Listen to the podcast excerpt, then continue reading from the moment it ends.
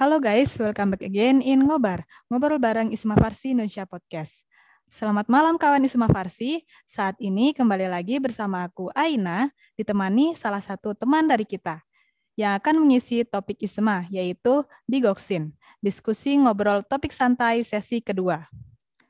Nah, dan saat ini aku bersama dengan dua tamu kece-kece, yaitu Kak Fajar dan Kak Igo dari Farmasi Sekolah Tinggi Ilmu Farmasi Bakti Pertiwi.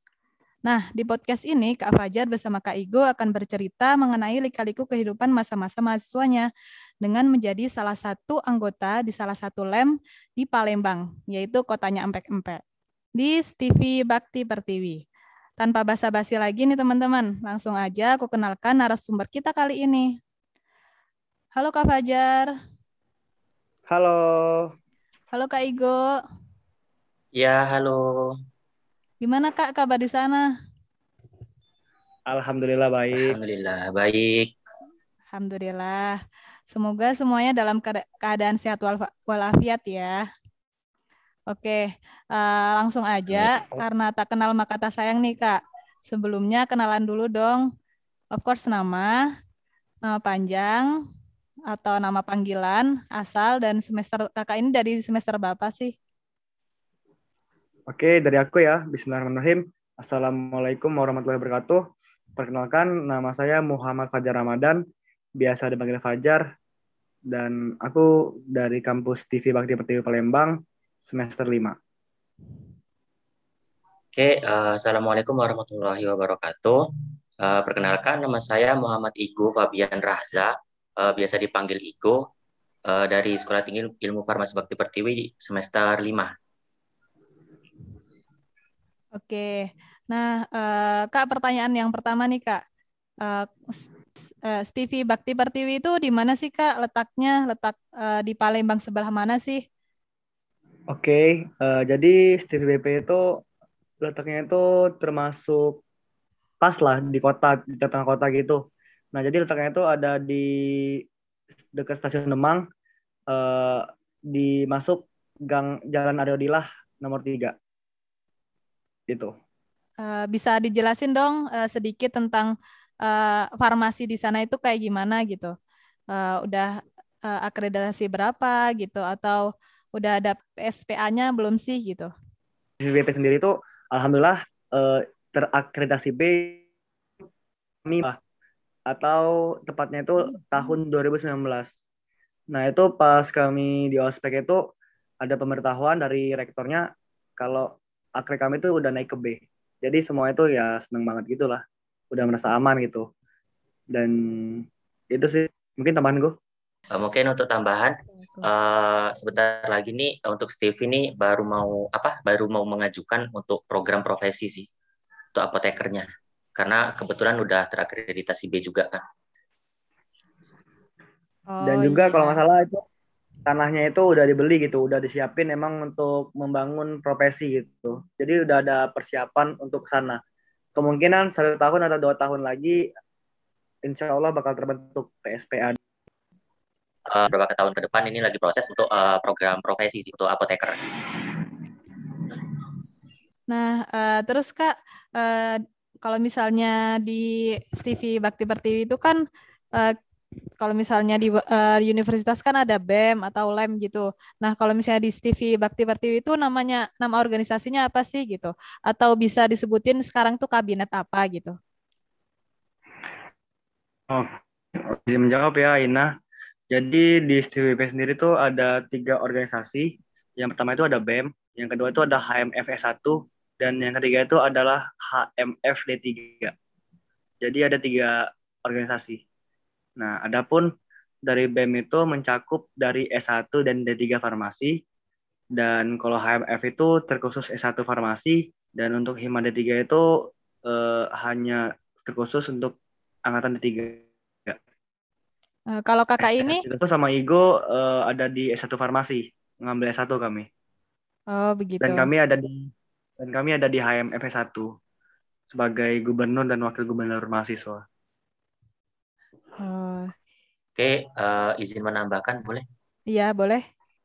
Uh, jadi untuk untuk nama kabinet ya tadi untuk nama kabinet BM itu uh, nama kabinetnya kalau nggak salah Pari Hatta. Terus untuk kabinet kami itu HMF S1 itu uh, kabinet Selaras Juang. Oh gitu ya kak. Uh, nah kalau misalnya di uh, lem kakak ini udah bergabung lama di Isma Farsi ya berarti? Sudah. Sudah. Uh, Stevie Bakti Baktiwi ini termasuk daerah mana sih kak? Daerah wilayah mana? Sumatera satu apa Sumatera dua? Oke, izin menjawab ya. Uh, jadi untuk TV Bakti Pertiwi sendiri itu tergabung dalam wilayah Sumatera II. Nah, karena udah jadi anggota penuh Isma Farsi ya pasti ini dari lama. Uh, pasti uh, TV Bakti Pertiwi ini selalu turut aktif dong dalam kegiatan dan acara-acara yang diadakan Isma Farsi ya Kak. Bisa dong uh, disebutin uh, kegiatan Isma Farsi apa sih yang pernah diadakan di TV Bakti Pertiwi? Oke, jadi uh, cukup banyak sih. Eh, zaman-zaman uh, senior kami dulu tuh udah pernah ngadain rakernas, rakerwil, muswil, uh, dan juga kami tuh pernah jadi tuan rumah LK2 atau biasa disebut sekarang tuh RPLF. Oh, Oke. Okay.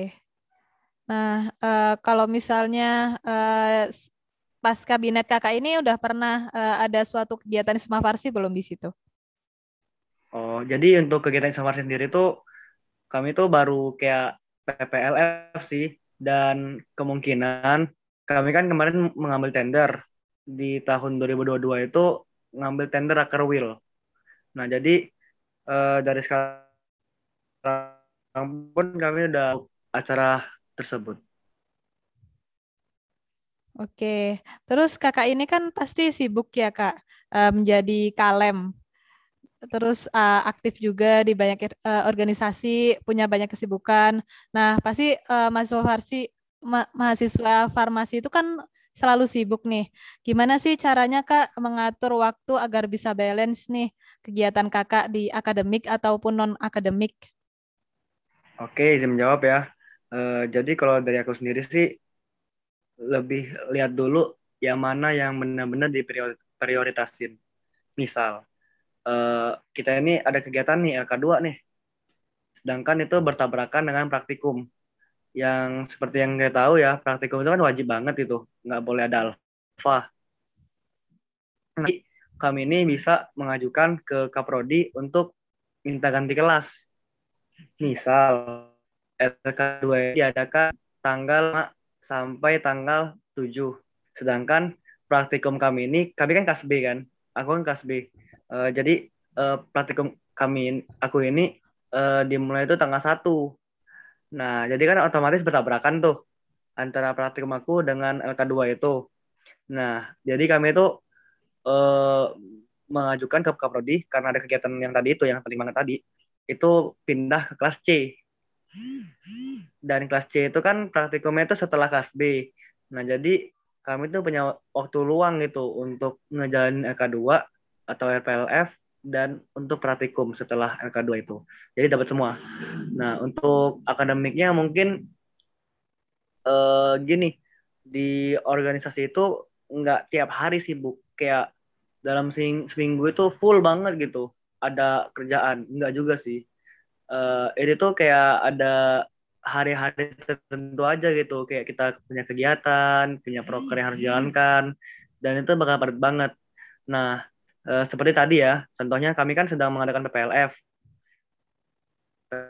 PPLF ke-1, lan tahap 1. Nah, jadi itu kami ini ngadainnya semi on semi offline. Jadi untuk panitianya di kampus, di aula, dan untuk pesertanya itu online via Zoom. Nah, itu bukan butuh persiapan banget kan, dan juga bantu-bantu panitianya. Nah, apa? Dan itu bertabrakan juga tadi dengan kuliah. Nah, kami kan banyak tuh. Misalnya aku sama Igo, sama wakil aku. Jadi, aku minta izin dulu sama dia. Go, uh, aku minta tolong dulu ya, backup dulu ya, panitia ini segala macam. Kalau ada apa-apa, tolongin. Nah, aku mau kuliah dulu. Karena kan aku sama Igo ini beda kelas, Kak. Jadi aku bisa saling backup sama dia. Dia kelas A, aku kelas B. Jadi aku mau izin kuliah dulu kan. Nah, jadi kita tuh bisa bagi waktu di situ. Karena kita punya ketua dan wakil tadi jadi itu sih aku kayak saling tahu yang mana prioritas dan tahu dan tahu sih untuk bekerja, bekerja samanya itu sih. Mungkin ada tambahan gue iya. Igo gimana? Oke okay. uh, oke. Okay. jadi itu tadi uh, kurang lebih untuk mekanismenya ya. Kalau menurut aku sih cara baginya tuh gini uh, tergantung individu masing-masing sih. Bisa memprioritaskan yang mana gitu kan. Nah tapi kalau dari aku sendiri tuh uh, misal nih ada tugas yang belum selesai gitu. Nah rasanya tuh nggak nggak nggak tenang gitu. Jadi kalau belum selesai uh, belum belum tenang gitu. Jadi diselesaikan dulu tugasnya gitu. Kalau misalkan nih kita kan uh, kami kan ini lagi sibuk LK1 nih sedangkan kuliah juga jalan. Nah jadi uh, di sela-sela uh, kegiatan LK1 ini kalau ada waktu istirahat gitu ya kita nyatet aja gitu. Nyatet tugas gitu kan apa yang belum. Jadi istilahnya tuh nyicil gitu. Itu sih kalau aku. Jadi nggak ngelupain akademik nggak ngelupain organisasi juga gitu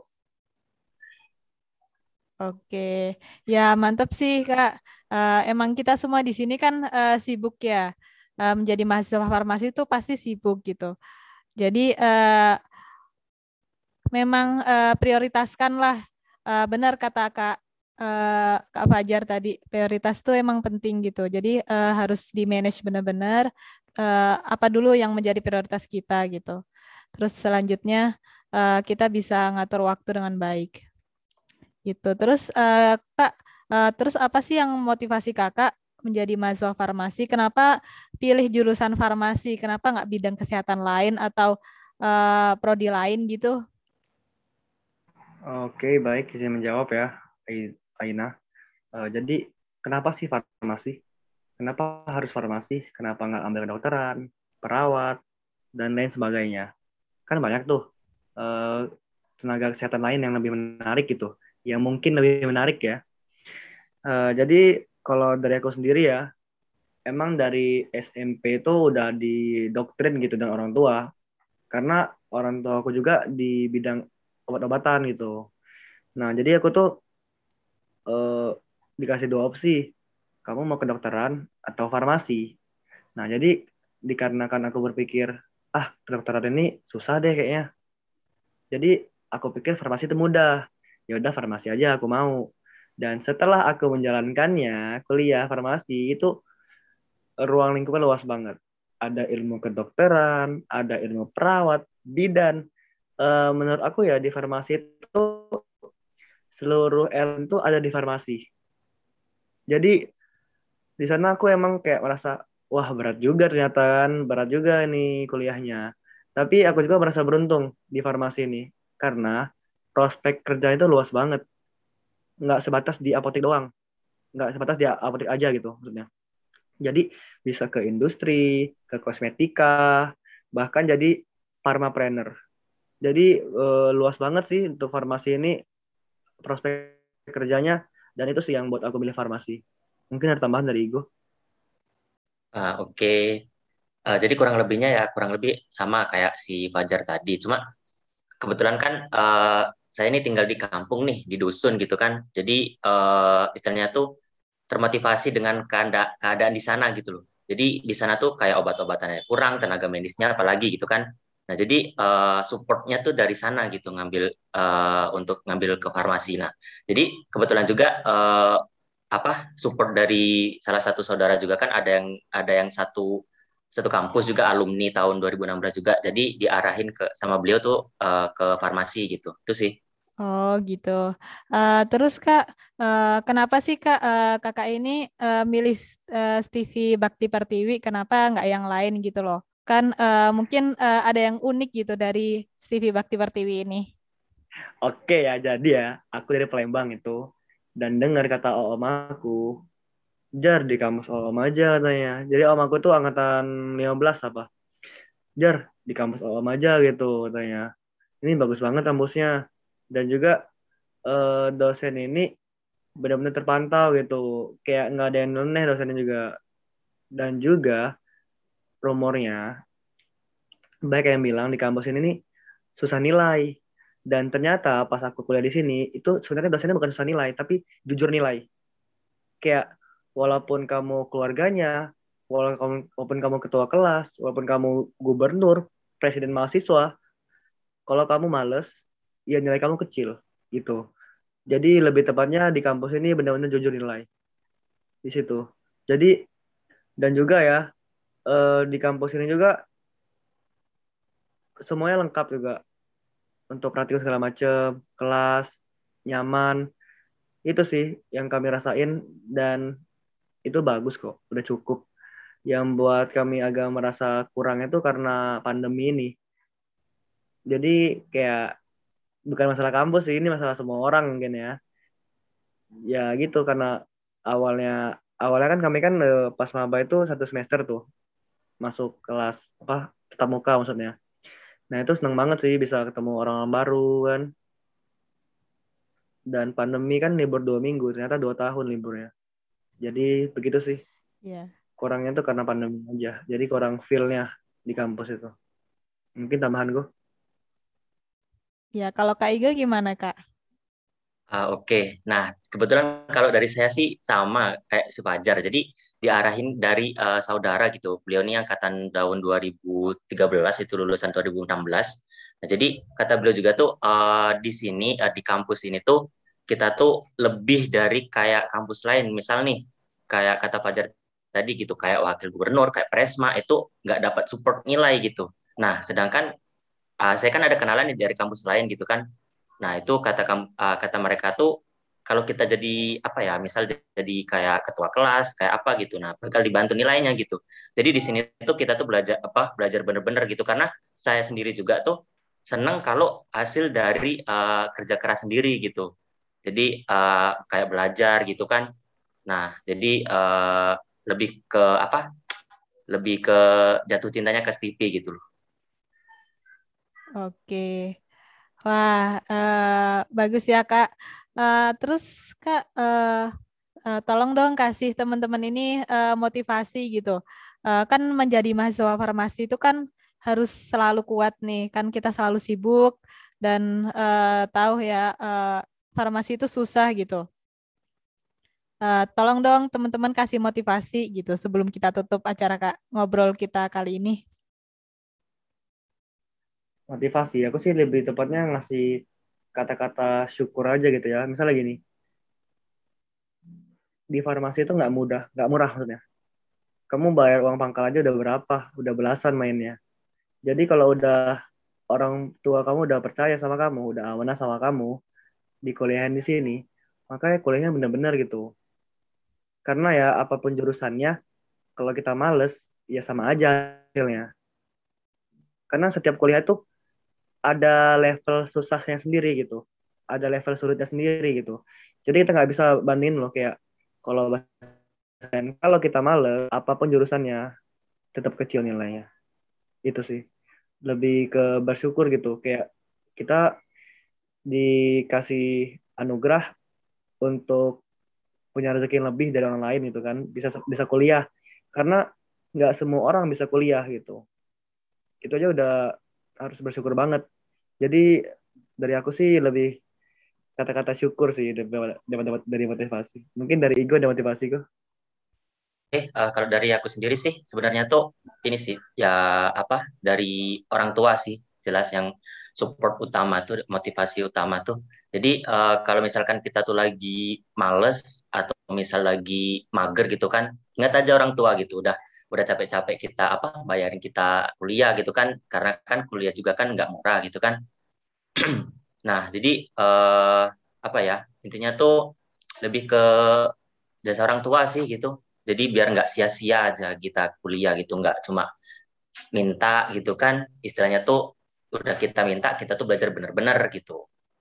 Oke Uh, udah ya Kak, terima kasih waktunya Kak Fajar, Kak Igo untuk ngobrol bareng aku di podcast Semua Farsi kali ini. Nah, semoga kakak-kakak sehat selalu ya Kak, dan salam kami untuk keluarga kakak sekalian di rumah. Semoga selalu dilindungi dan dijaga kesehatannya. Amin, terima kasih. Amin. Ya, terima, terima kasih, kasih juga Kak. Uh, dan untuk teman-teman yang udah mendengarkan podcast ini, terima kasih. Semoga semua yang kita obrolkan dan bincangkan dari tadi memberikan manfaat dan pengetahuan bagi teman-teman sekalian. Kalau teman-teman ISMA suka dengan sesi podcast kali ini, jangan lupa follow podcast ini dan selalu nantikan podcast Ngobar ISMA versi lainnya hanya di Spotify. Jika kalian punya pertanyaan, bisa chat langsung di akun media sosial kami. Dan Miss Ngobar, ngobrol bareng ISMA Farsi di sesi selanjutnya. Aku pamit, bye.